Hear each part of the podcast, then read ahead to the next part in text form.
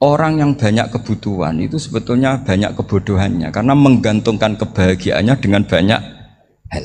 Makanya Imam Syafi'i ngendikan istighna itu apa? Al istighna anis labi. Yang dikatakan kecukupan adalah berusaha sebanyak mungkin banyak hal tidak kamu butuhkan.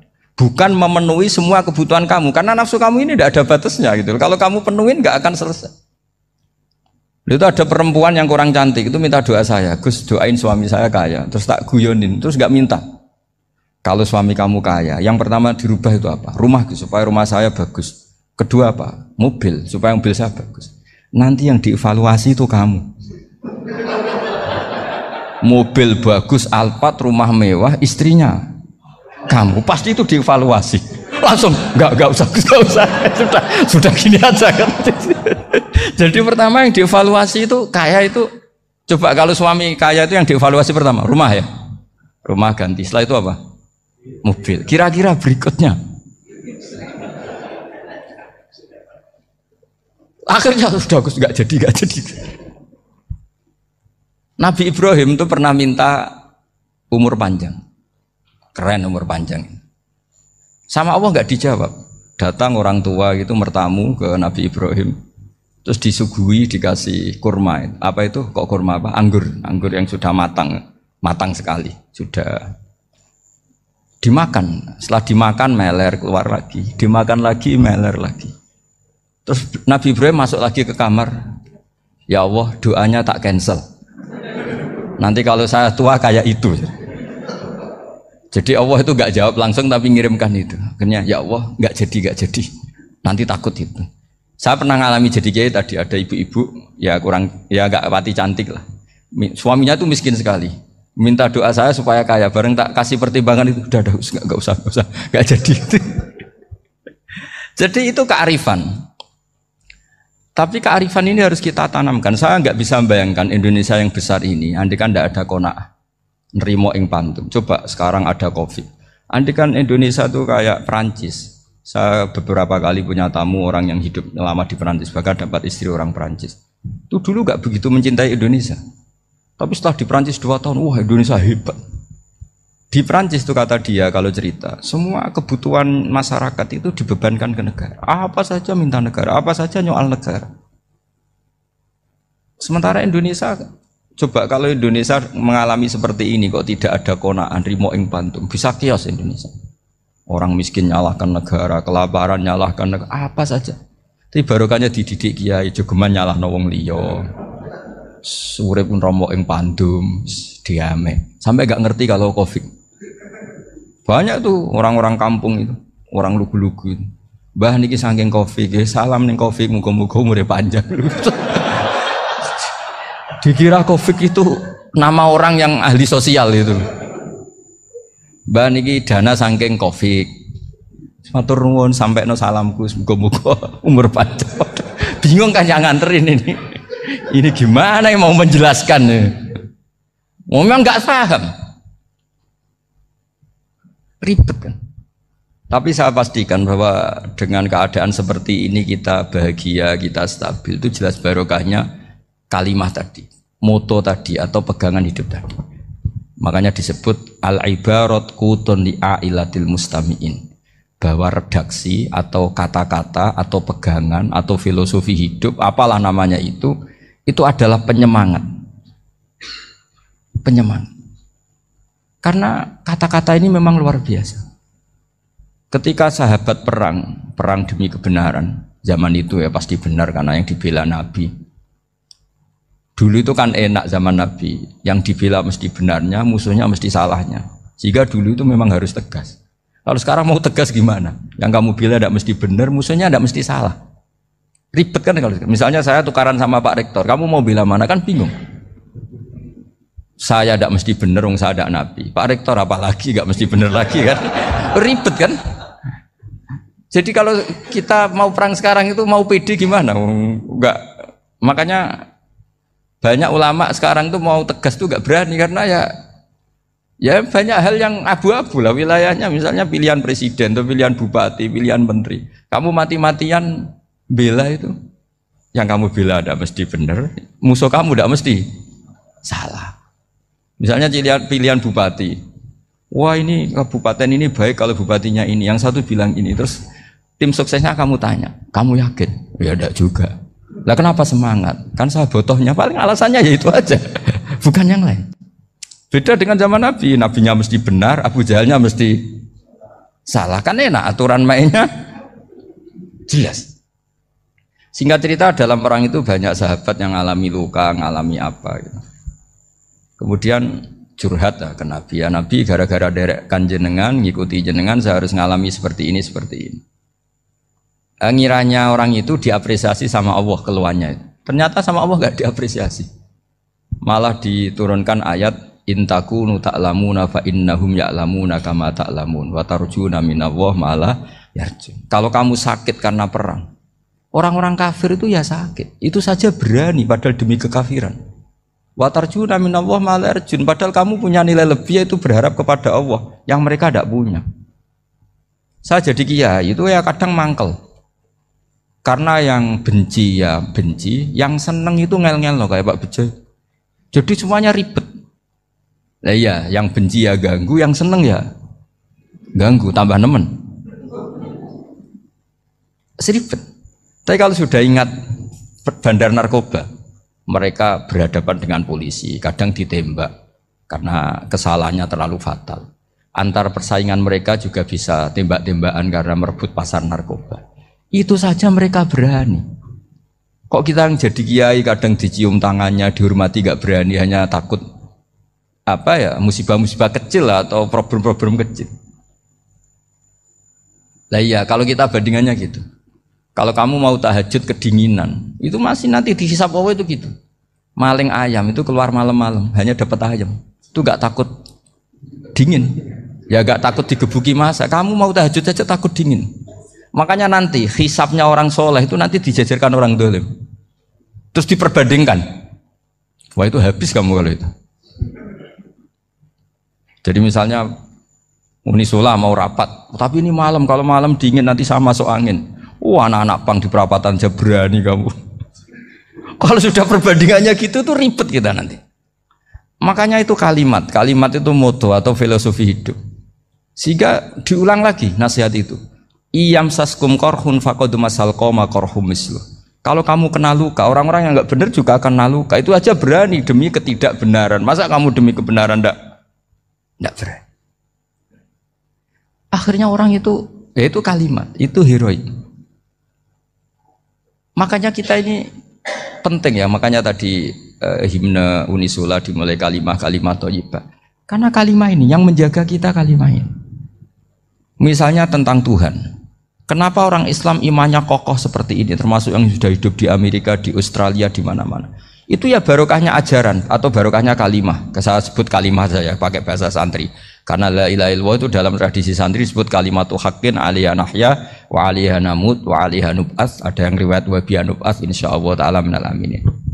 Kenapa mereka di mana-mana meskipun sekolah di Amerika, di Australia, bahkan di Uni Soviet tetap mukmin.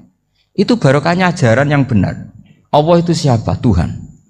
Tuhan itu sifat dasarnya apa? Awal. Dia harus wujud awal sebelum makhluk yang lain. Sehingga ketika ada negara yang maju, yang tertib, manajemennya tertib, masyarakatnya makmur. Tapi punya Tuhan yang yang tidak seperti itu, tidak awal, itu sudah gak nyaman. Karena ndaklah keren Tuhan saya, karena Tuhan saya itu al awal, dat yang pertama. Tuhan saya keren lah, dat yang gak mati. Tuhan yang gak mati, yang gak pernah mengalami kematian.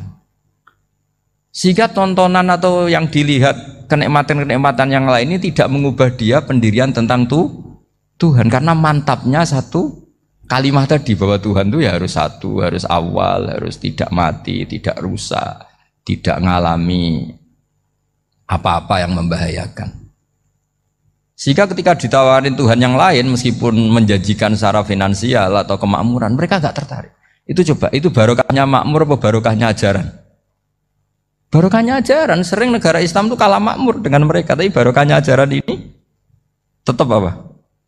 Tetap Islam. Makanya Nabi Ibrahim Nabi yang sukses bikin wajah Allah kalimatam baqiyatan fi akibi. Sehingga kita kita ini bekti sama orang tua misalnya. Itu ya karena ajaran. Suwargamu itu karek wong tuamu. Nak wong tuamu ridho, Allah ridho. Nak ora ridho, Allah ora ridho. Ridho wa fi ridho walidain wa sakhatu wa wa sukhtu wa fi sakhatil sehingga ketika ada orang tua yang agak brengsek gitu, anak-anak tetap hormat. Punya orang tua yang miskin, yang sudah miskin, tukang tombok nomor, banyak kan di kampung gitu. Ya tetap hormat. Coba kalau dari awal kita ngajari orang tua kamu hormati ya kalau baik, kalau tidak ada usah. Bisa geger Indonesia. Tapi barokahnya ajaran-ajaran itu Indonesia tertib karena ada ah, tadi ada ajaran. Nah ini di sini ini eh, pesantren dan Unisula semua harus berkontribusi membuat ajaran yang benar itu adalah ciri utama Islam. Sehingga Islam ini dimulai dengan ajaran kalimatul haqqin alihanahya wa alihanahmu. Sehingga kita tenang seperti ini. Saya ini termasuk kiai yang tenang. Meskipun kata orang banyak saya ini kiai besar tapi termasuk kiai yang paling tenang termasuk yang paling tenang. Karena saya ini pakai mazhab orang-orang hebat. Saya berkali-kali cerita, orang orang kayak Imam Syafi'i itu orang yang luar biasa. Saya berkali-kali cerita. Orang yang tadi nyium tangan kamu ya Imam Syafi'i di belakang tuh ngerasani kamu, menghujat kamu. Jawabannya enak saja. Berarti saya alhamdulillah orang yang wibawa. Buktinya di depan saya nggak berani. Jadi enteng saja diceritain sebagian kampung, sebagian separuh dari warga kamu itu gak suka kamu. Ya bagus lah gak suka saya, gak akan utang duit saya. Di mana-mana orang utang tuh karena teman dekat. Kalau gak seneng pasti minimal gak utang, gak pinjam mobil, gak pinjam apa. Berkah mana yang seneng sama yang gede? Jadi dianggap enteng saja. Semua yang dialamin dianggap enteng saja.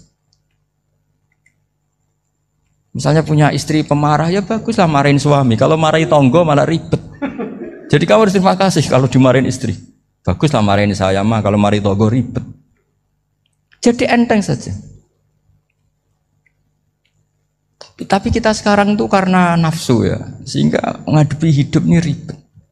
Ulama dulu kalau mau mati itu senengnya bukan main. Sudah lama saya ini ingin gak maksiat. Kayaknya gak maksiat paling efektif itu mati. Ya tidak apa-apa Gusti kalau sebaiknya mati ya mati aja. Enteng saja. Jadi melihat kematian itu akhir dari segala keburukan atau potensi keburukan. Apa pun baik kita sekarang, suatu saat mungkin kita nggak baik. Yang bisa menghentikan ketidakbaikan atau potensi ketidakbaikan itu apa coba? Mati kan? Berarti mati itu mengerikan apa menyenangkan? Mesti kamu tidak berani menjawab. Meskipun secara ilmu kamu berani, tapi secara rasa agak berani kan? Saya ulang lagi ya, yang bisa menghentikan keburukan atau potensi keburukan itu apa coba? Apa? Kematian. Berarti kematian itu menyenangkan atau menyusahkan? Apa pun kamu tidak berani jawab karena kamu agak-agak duniawi itu kelihatannya. Tapi secara ilmu, kamu tahu kan kalau mati itu tidak buruk-buruk banget. Karena apa? Itu akhir dari segala keburukan. Sehingga Nabi ngajarkan kalimat itu begitu luar biasa. Allahumma ahyini maka natil hayatu khairan li. Wa tawaffani maka natil wafatu khairan li. Nabi melihat dunia itu begitu indah. Ya Allah, kalau saya ini hidup, anggap saja hidup ini ziyadatan li fi kulli khairin, menjadi modal saya menambah segala kebaikan. Jika suatu saat saya mati, anggap mawon rohatan li min syarrin, itu akhir dari segala keburukan saya. Sehingga mati hidup ya baik karena di situ kita bisa berkontribusi beramal soleh. Mati juga baik karena mengakhiri segala keburukan. Nabi nate ngendikan lagi, ajaban di amril mukmini inna amrohu kullahu khair. Orang mukmin itu mengagumkan, semuanya baik. In asobat hunakma syakaro, fakana khairan dah. Kalau baru dapat nikmat, dia syukur, maka itu baik. Wa in asobatu dorok sobaro. Kalau dapat masalah mereka sabar. Itu juga baik. Sehingga orang mukmin dua sisinya pasti baik. Itu juga kalimat, maksudnya moto atau pegangan hidup. Nah berikut ini saya beri contoh ini kenangan saya. Ini contoh terakhir. Masalah jadi orang terkenal maupun tidak. Di sini dicontohkan Imam Ghazali di halaman 367 di kitab saya 367 Jusnya tiga di kitab Ikhya, kitab Ikhya Ulumuddin. Di sini beliau cerita betapa untuk menjaga ikhlas sebaiknya orang itu tidak terkenal, tidak syuhroh, tidak terkenal. Oke, itu kita sepakat ya karena kalau terkenal mungkin orang dipaksa publik dengan tanda kutip untuk selalu berbuat baik tapi karena jaim lah jaga imet atau apa. Tapi ketika dibalik pertanyaannya, kamu rela yang terkenal itu orang nggak benar, sementara yang orang benar itu nggak terkenal. Lalu masyarakat tahunya yang tidak benar. Kalau pertanyaannya dibalik gitu, orang baik wajib terkenal enggak? Kalau pertanyaannya dibalik seperti itu. Dokter yang benar tidak terkenal, yang malpraktek terkenal. Kamu ingin kondisi seperti itu? Gak ingin kan? Kampus yang bagus gak terkenal, yang uh, kampus yang bagus gak terkenal, yang gak bagus. Nah, artinya apa? Gara-gara olah kata, olah pikiran, ini logika jadi rubah. Lagi-lagi apa? Jawaban itu ada di kata-kata sebetulnya. Makanya Bab-bab seperti ini tidak usahlah kita berdebat, berpolemik. Sebaiknya orang itu humul, menutup diri. Apa sebaiknya orang terkenal itu nggak perlu seperti itu. Sudah terserah Tuhan saja. Makanya saya mulai dulu ngaji sampai sekarang itu ya tidak punya apa tadi punya ikon tertentu atau punya website tertentu? Ndak. Sudah terserah pangeran sudah. Saya ndak. Saya juga ndak sok suci materialistik atau ndak ya ndak mikir saya. Bukan apa ya karena saya ini saya ini kiai, jadi biasa urusannya sama Allah, tidak sama makhluk. Jadi pusing kalau sama sarah-sarahnya makhluk itu pusing. Meskipun rektor kalau nasihati saya pasti tidak saya terima, itu tetap makhluk itu sudah ada sudah ada ngefek kalau saya itu sudah ada itu. Bukan karena saya sombong, ya memang makhluk betul gitu, bukan bukan. Cuma nasibnya bejo aja, tapi makhluk tetap tetap makhluk. Saya beri contoh ya. Ini makalah yang ditulis Imam Ghazali. Ya, I'lam aslahaka wah anna aslal jah wa intisarus sayyid atau sayyidi wal istihar bahwa mazmum balil mahmudu al khumulu illa man saharahu wa ta'ala linasri dini min ghairi takallufi talabi syuhrati minhu jadi kalau kamu ingin ibadah kamu selamat ya kamu jangan terkenal tapi resikonya adalah kalau kebaikan itu tidak terkenal, maka agak dikenali. Kalau nggak dikenali, berarti masyarakat hanya punya percontohan yang tidak baik, karena yang baik tidak terkenal. Jadi itulah ulama-ulama dulu. Jadi apa-apa itu dibanding-bandingkan. Kemudian nanti kelihatan, jawabannya itu kelihatan. Jadi ulama dulu itu biasa ngarang misalnya afatun nikah, sisi negatifnya nikah harus ngurumat istri, harus macam-macam kalau terlantar itu ya dosa. Seperti tadi Pak Marsudi cerita kalau orang ngapalkan Quran itu takut lupa, kalau lupa itu jadi dosa. Pertanyaannya kalau semua orang takut lupa, takut dosa, semua orang nggak hafal Quran karena potongan-potongan lupa. Cara berpikir tidak seperti itu. Kalau berpikir ya namanya apalan ya inginnya apal, kan nggak ingin lupa. Lah nanti kalau takdirnya lupa karena hal-hal yang dimaklumi oleh syariat itu enggak yang termasuk dosa. Yang dosa itu lupa tak liwiri udrin syar'iyin lupa yang tidak ada sebab yang apa? Syar'i. Tapi lupa bawaan EQ-nya tidak bagus. Lupa bawaan sering dibentak. Oh itu enggak masalah karena bawaannya orang tertekan itu ya lupa. Coba kamu apal Quran. Terus punya kredit jatuh tempo pas hari itu aku yakin enggak cerdas sudah itu bawaannya orang tertekan itu pasti pasti lupa. Jadi ya saya teruskan ya. Jadi terus ada makalah yang sangat bagus sekali tentang itu. Saya baca ya. Wa yadullu ala dzalika anna Allah azza wa jalla amaral anbiya'a bi idharil amali lil iktida wa khassahum bi mansibin nubuwah. Wala yajuzu ayudzunna bihim annahum khurrimu afdolal amalen. Jadi orang yang terlalu mendewa-dewakan humul, humul itu menutup diri. Oke itu baik karena dengan humul, dengan menutup diri Anda tidak ria, Anda tidak pamer. Tapi kata Imam Ghazali, kamu juga harus ingat di antara syaratnya Nabi itu harus mengumumkan kalau beliau itu seorang Nabi. Harus memaklumatkan kalau beliau seorang Nabi supaya bisa diikuti. Caranya sholat harus diumumkan sehingga Nabi itu mengatakan harus jamaah. Karena dengan cara jamaah itu bisa solu kamaro itu muni. Soli. Coba kalau Nabi sholatnya nggak diperlihatkan, kamu harus sholat yang benar. Caranya gimana ya Rasulullah? Itu rahasia. Bingung nggak kira-kira? Bingung nggak? Ya, ya misalnya amal rahasia selalu lebih baik. Terus ada pertanyaan, Nabi ngendikan kamu sholat yang benar. Caranya gimana Nabi? Ya itu rahasia. Terus gimana coba? Tapi Nabi ngendikan apa? Sallu kamaro itu muni usol. Ya sudah kamu sholat, niru saya sholat. Berarti Nabi sholatnya diperlihatkan apa disembunyikan? Diperlihatkan. Jadi begitu juga saya berkali-kali bilang, orang tahu kalau itu bidan ya berdasar tulisan itu bidan. Tahu kalau itu dokter gigi ya itu dokter gigi. Jangan sampai gara-gara tidak ada tulisan mau beli mau beli alat bangunan di dokter gigi. Mau periksa gigi di toko bangunan. Gara-gara apa? Nggak ada maklum, nggak ada maklumat. Nah, di sini ulama-ulama selalu memaklumatkan dirinya. Termasuk Imam Ghazali ketika ngarang kitab dinamai Ihya Ulumuddin bahwa kitab ini bisa menghidupkan ilmu-ilmu agama yang mulai hilang. Begitu seterusnya.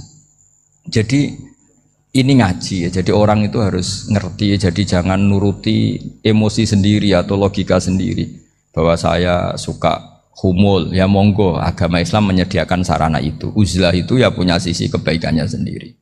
Tapi syuhrah terkenal asal tidak nuruti nafsu juga punya sisi kebaikannya sendiri. Setidaknya umat ini punya satu master kebaikan yang mudah diakses. Tapi tadi saya ulang lagi, jangan karena hadun nafsi, jangan karena kepentingan pribadi. Makanya di sini disebutkan wa yadullu ala dzalika ay ala syuhrah anna wa ta'ala amarul anbiya bi dzaril amal lil iktida. Allah selalu memerintahkan para nabi kalau ngamal kebaikan ya harus dimunculkan supaya bisa diti ditiru. Ya itu tadi kita tidak bisa bayangkan kan kalau misalnya Nabi menyuruh kamu harus sholat yang benar, kemudian sholatnya Nabi sembunyi. Lalu ditanya, Nabi saya niru siapa? Wah itu rahasia, kamu nggak boleh lihat sholat saya saat takut tidak ikhlas. Ribet kan? Sehingga jamaah itu statusnya tetap harus.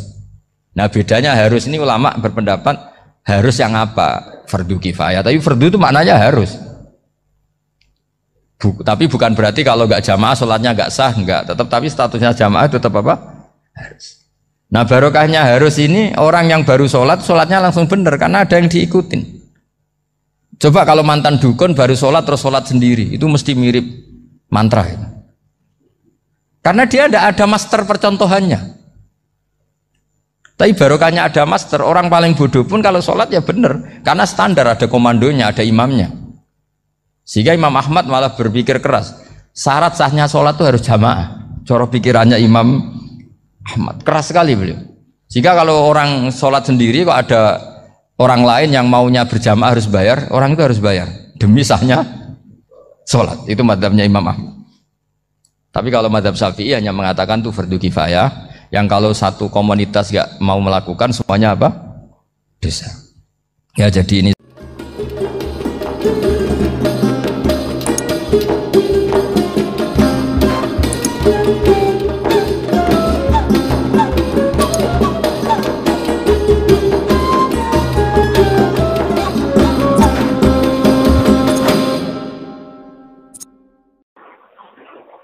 ulama-ulama hakikat terangkan masalah la haula wala quwata illa billah.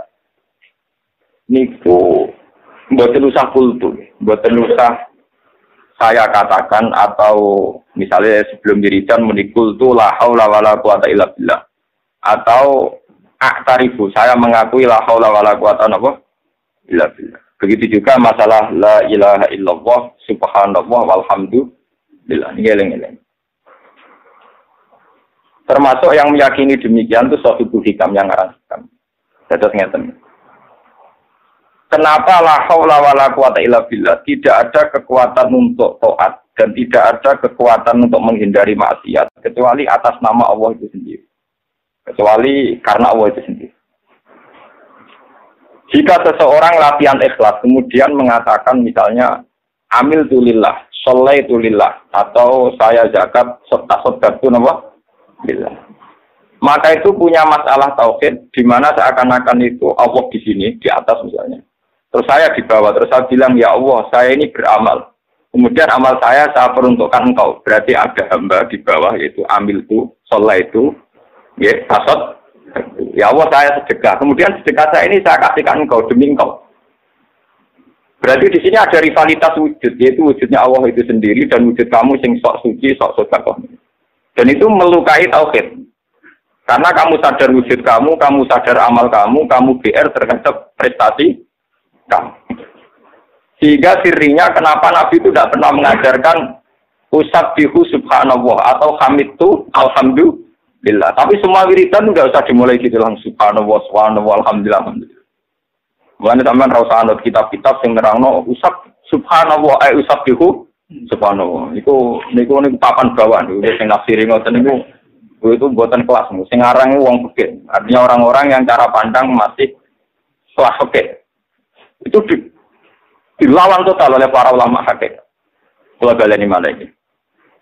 Ketika kamu mengatakan sholat itu lillah, saya sholat karena Allah, saya zakat karena Allah, saya puasa karena Allah.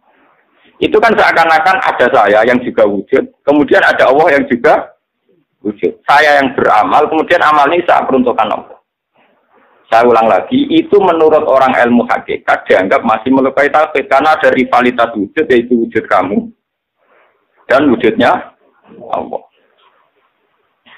Sebab itu kata ulama-ulama hakikat, sebab itu la haula wala quwata ora illa lillah tapi illah kalau ilalillah nanti jadinya kan ada kekuatan ibadah yang dilakukan hamba, kemudian lillah demi Allah. Tapi kalau bila kan tidak begitu, tidak ada kekuatan apa pun kecuali atas nama Allah. Berarti begini logikanya. Ya Allah, engkau menjadikan saya sholat, engkau menjadikan saya berzakat, engkau menjadikan saya berhaji. Dan semua kejadian ini karena engkau, karena kekuatan engkau, karena hidayat engkau, dan kemudian menurut aturan engkau ya memang dari engkau ya milik engkau. Jadi itu lebih membunuh syirik, membunuh riak, membunuh ujub. Jadi ke mana itu lebih efektif untuk memantapkan memantapkan apa? Tauhid. Ya coba misalnya dari awal kalau gak ada duit tak juta. Dari awal saya nganggap ini uang Tuhan. Saya bisa zakat juga yakin itu hadiah Tuhan, hidayat Tuhan. Kemudian saya yakin Tuhan pula yang punya uang ini yang memerintahkan saya sedekah. Itu rasa latihan ikhlas, rasa konsultasi ikhlas, mesti ikhlas sih. Mengarah popo deh. Bahkan dia tidak melihat kekuatan yang ada pada dirinya. Nah di sini ini orang yang punya mental begitu tentu sudah di kanzun min kunuzil jannah. Dia sudah sangat dekat dengan surga atau kanzun min kunuzil arsi. Dia cara berpikir sudah berpikir ala aras, tidak tidak berpikir ala bumi yang profan yang Nah, kenapa saya ngajinya riyen la ilaha illallah tak niki la haula wala quwata illa billah. Kemarin kan kalau terangkan. Ketika al mukmin sudah yakin la ilaha illallah, tidak ada wujud hakiki kecuali Allah. Ini kan kalau balen ngalih kalau terangkan. Wujud yang sekarang ada, kayak saya sampeyan sekarang ada. Itu saya ingin wujud. Dijotosi wong ya loro, tiba ya loro, ora di duit sumpek. Sawangane rugen barang wujud. Dipisoi wong ya loro ati. Ini sawangane wujud. Tapi wujud yang sekarang kamu lihat itu wujud yang semu karena imkanul adam bisa ditiadakan, bisa disunami, digempakan, di pokoknya bisa ditiak. Sebuah wujud yang bisa dihilangkan namanya tidak wajibin wujud. Nah, karena eksistensi wujud manusia ini wujud yang bisa dimusnahkan, begitu juga bumi bisa gempa, laut bisa kering, matahari bisa retak, bisa hancur. Semua wujud yang ada ini semuanya imkanul adam bisa ditiak Barang yang bisa ditiadakan tentu tanpa eksistensi. Paham ya? Tanpa apa? Eksistensi. Nah sesuatu yang tanpa eksistensi tentu nggak bisa diperbandingkan dengan Allah yang wajibil wujud. Kamane dunia presiden sak dunia mati kabeh, dunia tetep apik. Wong sak dunia mati kabeh, dunia tetep apik. Langit bumi hancur gitu dunia tetap apik. Ngomongeran gak gawe gantine. Lah anak Allah sing ilang lah niku perkara tenan. Mane kula nu ape mati, cara mati tetap seneng. Kula boten kuatir sik kok timah. Kula cara ape mati wis mantep. Gusti anggar pangerane dek jenengan mboten napa-napa. Mumpun angger buatin ganti pangeran betul no. Paling banter kulo zaman teng dunia sing Rahman gitu jenengan. Mungkin teng akhirat sifat Rahman ya tetep baik. Tapi pikir jenengan orang arah sing iso ganti sifat Rahman jenengan. Kita harus punya tauhid sekelas itu. Makanya mangkola la ilaha illallah Orang yang yakin bahwa yang wujud hakiki itu hanya Allah pasti di surga. Yang menjadikan kita mati nangis itu mesti ke wujud ya Allah baik kue. Kue buat pikir no nasib gusti kula ning swarga tan rokok kaya apa larane kula nak ning rokok. Lah Allah jadi pangeran. Jebule gak nangisi aku to nangis awakmu deh. Wujud ra pentingnya kok mbok tangisi. Paham? Wujud ora pentingnya kok mbok Tidak ada di hadis. Uang sing sampai mati muni nasib nasib di suarga ron. Mangka na akhiru kalamihi Allah Allah dakhalal Allah ora terima ngape mati jadi nyebut liyane ora paham? Dan sementara kita diajarkan apa mati dari kondono ben mlebu. Itu ajaran sesat ya bener. Ora ono hadis. Sing ono ya mangkana akhiru kalamihi Allah dakhalal jannah utawa la ilaha illallah karena wujud kita tidak penting. Kenapa kamu diskusikan dengan zat yang super penting? Wong itu gale gampangane nek kowe diskusi awak dhewe pangeran kok sampean lapor kula. Gus, kula niku gadah tempe tunggal pun pun kula goreng sing jenengan tempe bakas ning. Tidak bakas ning ngarepe pangeran, ini padha karo bakas wujud yang tidak penting di depan zat yang wujudnya paling penting. Sehingga dalam ilmu hakikat dikenal makom fana. Makom fana makom rusak, di mana orang meyakini semuanya tidak ada, yang ada hanya Allah Subhanahu wa taala. Sehingga ketika mau meninggal pun hanya bilang Allah, Allah, Allah, Allah. Mana itu terus no? Allah Allah paling ono di suatu Gusti ampun sampai mesti apa lho ono nek awake ono meneh sudah kadun nafsi yo nangis mesti kowe mesti eling dosa eling utang eling macam-macam terus eling anak bojo dan itu harus dilatih sekarang ngomong di rumah mati sampai latih dilatih di mana membunuh kadun nafsi paham ya Ya itu tadi, pertama dilatih pakai hujah ilmiah, ya. Pakai hujah apa? Ilmiah. Bahwa wujud yang sekarang kita saksikan adalah wujud yang bisa dimusnahkan. Itu cara bahasa Arab jadi imkanul adam, bisa dimus. Lah yang sekarang kamu vonis tidak ada, misalnya cucu kita, sekarang kan belum ada. Itu imkanul wujud. Berarti anak cucu kita yang sekarang belum ada, cucu kita misalnya. Itu kan sekarang adam, tapi imkanul wujud. Yang sekarang ada kayak kita, kita bisa dimusnahkan. Kalau begitu saat Adam juga Adam yang tidak hakiki, saat wujud ya tidak wujud yang gampangannya ratau benar. Semuanya serba semu, semu. Tentu barang yang semu eksistensinya tidak bisa diperbandingkan dengan dat yang wajibul wajibul nabo wujud. Nah ini rumah tenang. Lah nak ngoten ketika sampai beribadah, saya sholat, saya zakat, saya sedekah, itu kurang baik. Karena ada saya, ada uang. Makanya tidak sebaiknya tidak soleh itu lillah, tapi soleh itu billah. Bukan tasoddak itu lillah, tapi tasoddak billah. Dan itu sini la khawla wa la quwata. Niku coro ilmu haji. Kan bela ini malah niku coro ilmu haji. Nah coro ilmu fakih, coro ilmu syariat biasa. Yes. Kulo sedekah karena Allah Taala. Kulo sedekah karena senajan to diguyu-guyu pangeran tapi niku dibener coro syariat. Mana cara hikam nak ngenyak ngeten. Fate fatat tubul ajro mimman dua muhdihi ilaika. Akalmu ning Jadi ke mana ngeten. Sale ruhe kiri. Kan gue kiri, dia gus kulo kiri. Kita kayak dua juta. Dagang no. Nak berarti pek gue. Kulo balen nih. Kan gue kiri, dia kiri karuan kiri. Kalau foto kata kono. Kita kayak dua juta kan dagang. Gue nak berarti pek gue. Terus laporan Mbak Kugus, kalau dagang modal rong juta, saya ini badi jadi lima juta. Ya apa yang Pak Kue? Ya apa ini Gus? Wong kula untuk prestasi nggih apa? Ya duwe iku kok aku. Bareng kok badi tak kon ngepek kowe. Lho saiki kan untuk aku kon apa? Lah pangeran ki ngoten, kowe ini iso salat mergo hidayate Allah. Iso zakat yo hidayate Allah. Sing mbok zakat yo donyane Lho kan itu bareng prestasi Gusti kayak swarga dong kula wis prestasi. Oh pangeran mesti tersinggung kok karepe piye? Ora aku sing ngeke malah foto tuntut. Iku jenenge kai batat nuzul ajra mimman wa muhdi ilaika. Bagaimana Anda nuntut upah dari orang yang mengasih hadiah kamu dari zat yang mengasih lah ya kowe itu hidayahnya tuh sing ngekeki sapa? Allah. Iso so kok ngesing ngekeki donya bareng di prestasi Allah saiki mbok tuntut. Ya iku kon lebokno makhluk kowe kon ning suar. Nah, kejanggalan-kejanggalan syariat ini yang coba dibunuh, diminimalisir, dihilangkan oleh la haula wala quwata illa Mulane wong nek esuk makom hakikat, gak ora gelem medun meneh ning makom sare. Mergo ngerti klirune saya. Tapi sholat oke.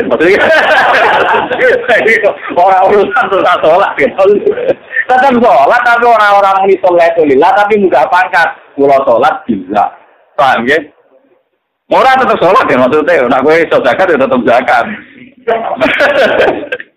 Lho iki tenan, lho aku hakikat tuh macam enak tenan. Orang ngarah gelem medun, wong sing nikmati ilmu hakikat ora ngarah gelem medun. Mergo padha karo wis ning swarga. Mulane kanjeng min kunuzil. Ngatus kula nu dadi kiai ra tau lara ati. Sering kok kula konsultasi lho. Gus dengan dadi kiai kok ayem. Padahal tiang kan ono sing gedhe. Ya tak takoki nek. Iya ya, ono sing gedhe aku ra cocok ya ono. Lah jeneng tak susah cangkemmu. Aku ngaji ku khatam ra kok kowe tak Aku jadi kiai krono perintah Allah, krono hidayah Allah, jadi urusan ku agak Allah, agak manusia. Lah aku cek urusan mbek manusia digedingi wong susah, urusan mbek manusia apa ono kek kiai mbek manusia seperti swarga neraka ya menu. Wong nak ngono ya pancen enak. Lah pancen kudu enak cangkem wae bener tak omongnya, pancen kudu enak. Saraku aku mulai cilik diajari aku abdu ora abdun nas. Ciri utama mukmin ngaku abdu ora abdun. Malah nih kaji nabi jadi nabi ku nyaman, baik di seksa. Yang wong kafir nyaman. Aku mulai dicek nabi muni ini abdu. Jadi wong sing muka sapa tenan ketika roh cerita Quran, Nabi Isa, Nabi Adam muni ini abdu atani alkitab, bener-bener abdu tenan. Orang susah dituduh wong macam mah. Padahal nasibnya Nabi Isa dituduh anak jadah. Anak sih? Tapi ketika dia sudah yakin ini abdu saya ini hambanya Allah, saya tahu betul bahwa saya ada anak zina, saya peduli ya omongannya uang, ini ab. Sampai meniap kan nggak tahu paham. Sebab itu gelar tertinggi di Quran itu abdu subhanallah di asro ab bahwa Muhammad benar-benar hamba Allah. Artinya Muhammad nggak bisa didikte oleh sekelilingnya, didikte oleh makhluk, didikte oleh kepentingan, didikte oleh hazun nafsi. Mereka benar-benar kaji nabi abdihi kaulane. Karena gue, Didiri weteng lesu nis kewangilan geluntangan masa. Didiri radio dua nis kok ayat bentuk dindi. Gua bang dikti sampean kenapa? Mereka ya apa ya buat pangeran no. Lalu sih disebut nih Quran aroe tamanit tasoda ilahadu hawa. Orang yang menjadikan seleranya sebagai Tuhan. Tuhan. Dan ini bahaya dalam ilmu hakikat. Untungnya syariat loh darah rapopo, paham? Jadi mulai syariat itu dinikmati ngomong tengok sampean-sampean nih, paham gitu. Nah, jadi pakai salah Syariat itu pakai nopo? Salah. Kempro, lagi aturan aja nih sering kempro. Ya orang kompromi ya, oh gusti kula pun sholat, kula pun donga, sekarang gak rezeki lha kok iso donga kersane Allah. Iso sholat kersane Allah, sing kayak dia ora kok tuntut iku kelainan apa boten iki tak kok. Lho kelainan apa boten tak kok Normal apa boten? Lho kok wani. Kalau ada dari hikam, kaifatat lubul ajro mimman huwa muhdi ilaika. Bagaimana Anda menuntut upah dari orang yang memberi hadiah kamu? Wah itu zakat, mereka diparingi sehat, iso mergawe, diparingi dunia pangeran, diparingi hidayat sehingga orang medit belum zakat. Iku rak kabeh kersane Allah. Bareng Allah ngersano mbok tun. Gusti berhubung kula mun zakat tak niki kasih bonus. Iki kere ra modal, bareng di modal malah ngelama. Lah mulane hakikate hakikat wong nak mati kon muni Allah Allah tok ora usah terus malah keliru. Ada buat terus kok ben swarga malah keliru. Buat terus kok putih neraka ya malah. Mulane nek hadis ning akhiru kalam iku kudu mau Allah Allah tok. Boten enten luwes kon iki. Lah niku sirine ngoten. Maksudnya kula nerangno sirine Bentar ora jaga kok Allah Allah dan kok ora bakas nasibku. keberatan. Awake ora dibakas itu keberatan. Lah, iya. Karepe yo bakat. Lah yang wujudnya merah penting kok coba. Gak terima nanti bakat ini apa? Ini tenang nonton kasih sih, malah ini kasih hadis sing mlebu swarga niku wong sing akhiru kalami Allah. Yo kok ngono lho ya, ora ono liyane lho nggih. Ora kok diterusno. Sampai wani kira-kira mati orang terjun di suarga wani kan. Kawani, awal syariat kawani. Gak ada nyali. Mergo pikirannya kok awas aja maksudnya itu. Aku ini bisa kok bingung tetap pemikiran. Gak ada nyali, ya gak nyali. Aku yakin rai-rai sama nanti nyali. Ketorong gue lah ngaji kalau bilo talatnya jadi wani. Nah itu ya baru kayak guru nih. Tapi agak dilatih mursid itu gak kuat. Eh, mulai lu nih bocor negara orang mursid itu pun puluhan tahun dari mursid pun sepuh. Nembe apa? Ini ngapa nih? Terus pulau dari mursid selawase tapi nyaman bawa kasih jenengan. Berarti pulau mursid mursid. Saya guyon.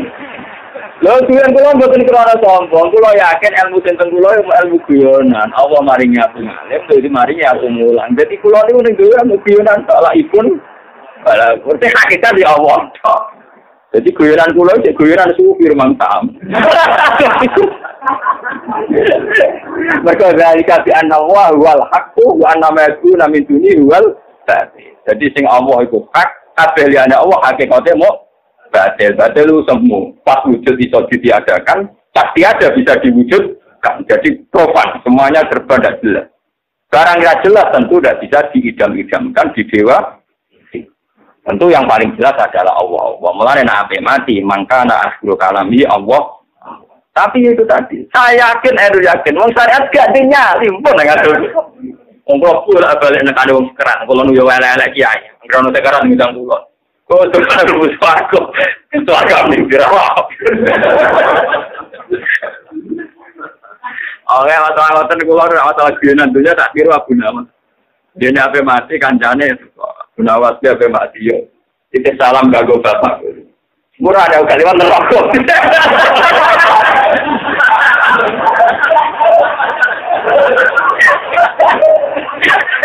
Kancane bisa bisa kurang ajar apa mati di Iya mau dengar hukumi kancane bapak ini neraka. Semurane kali wong neraka. Pergo berawat di bakso, perkara sekarang mesti diri salah.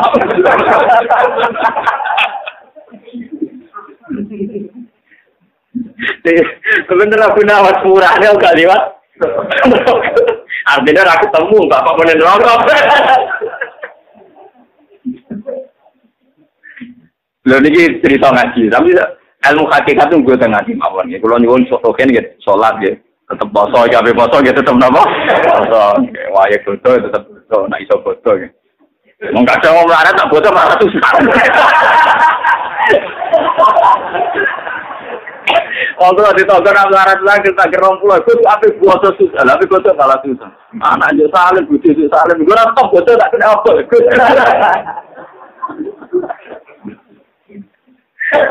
Lalu kalau terus kiai sing rasa seneng disuani betul-betul, ngel ngel wong melarat. Kalau aku mau kiai sing paling rasa seneng dihormati. Repot, nama?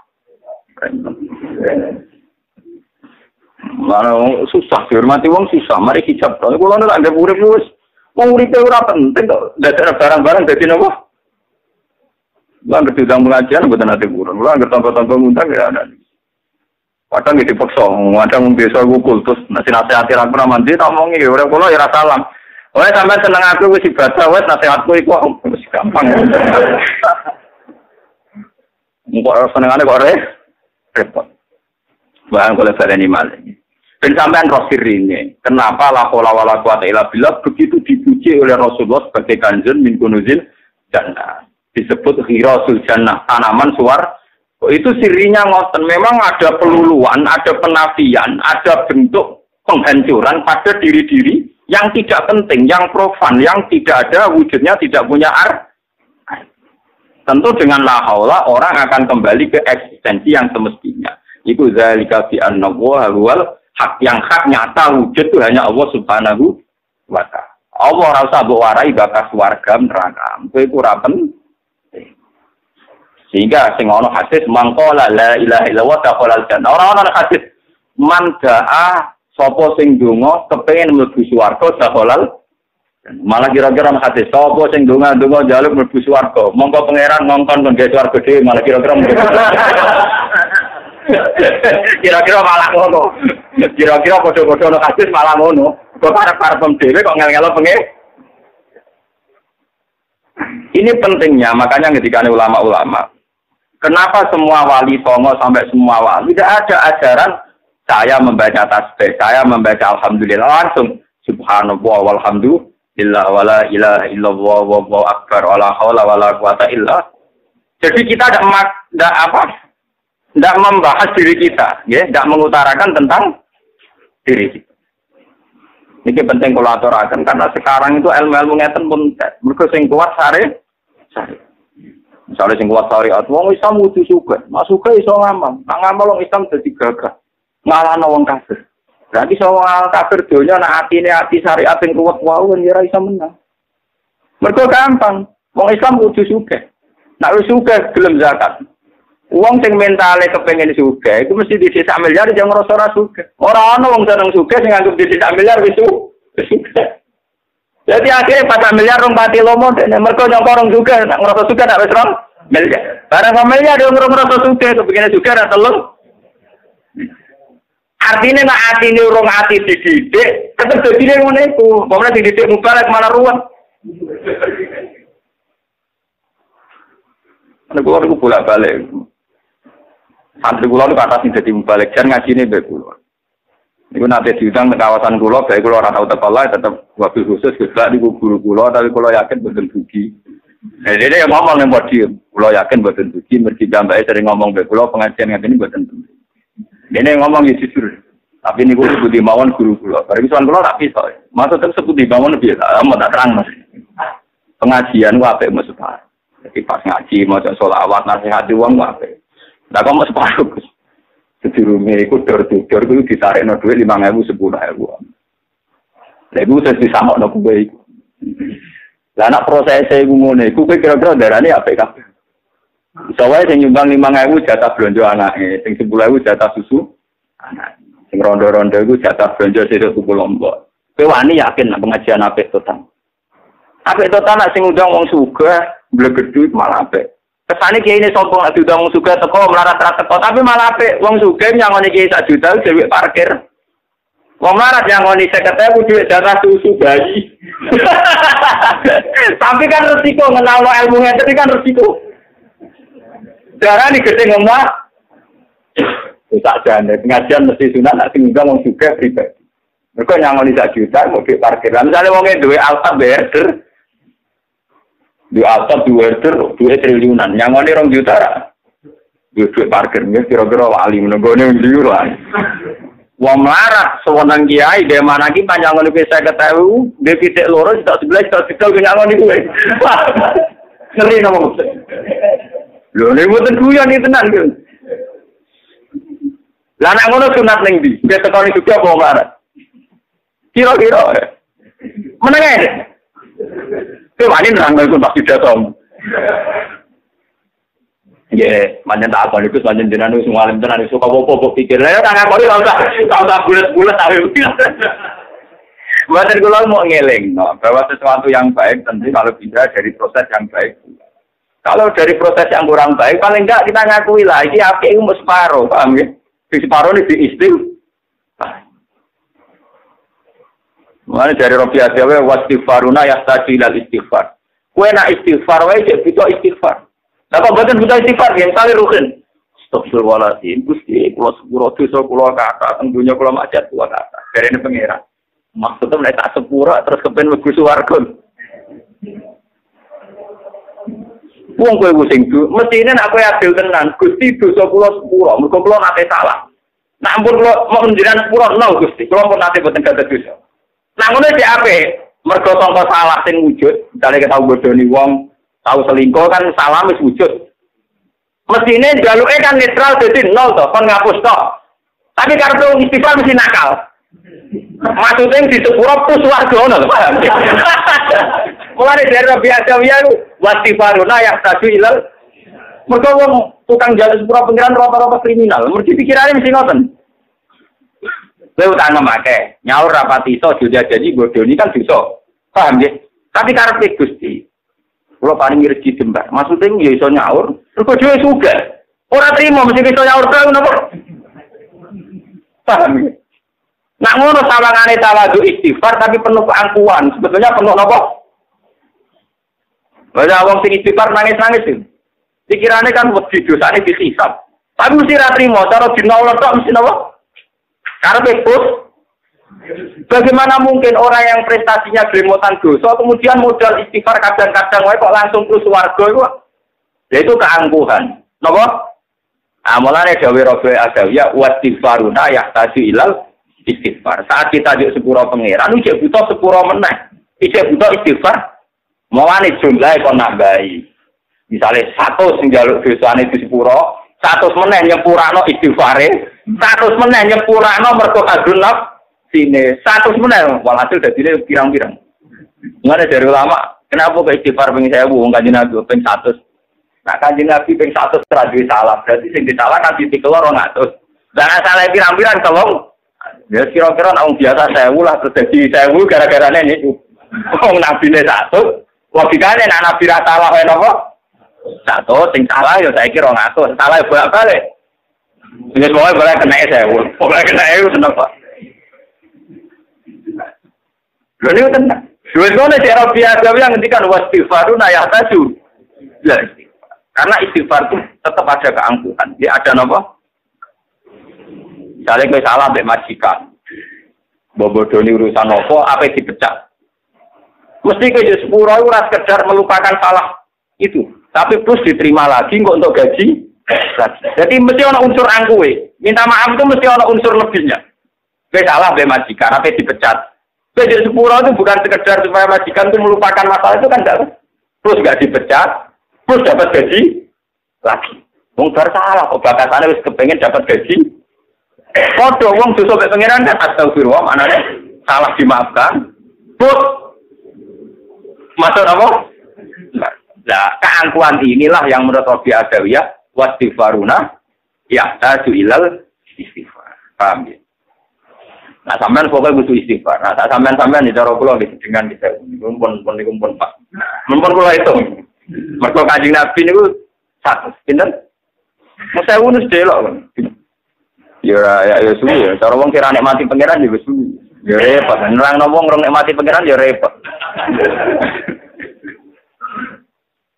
Paham Dari itu repot. Paham Jadi kalau terangkan, nak sampean raiso istighfar ping 1000, ra iso ngamal minimal secara tauhid kita sudah la haula wala quwata illa napa billah. Bahwa segala yang kita miliki, kita bisa sholat, bisa zakat, bisa sedekah, bisa haji, itu semua milik Allah dan atas nama Allah.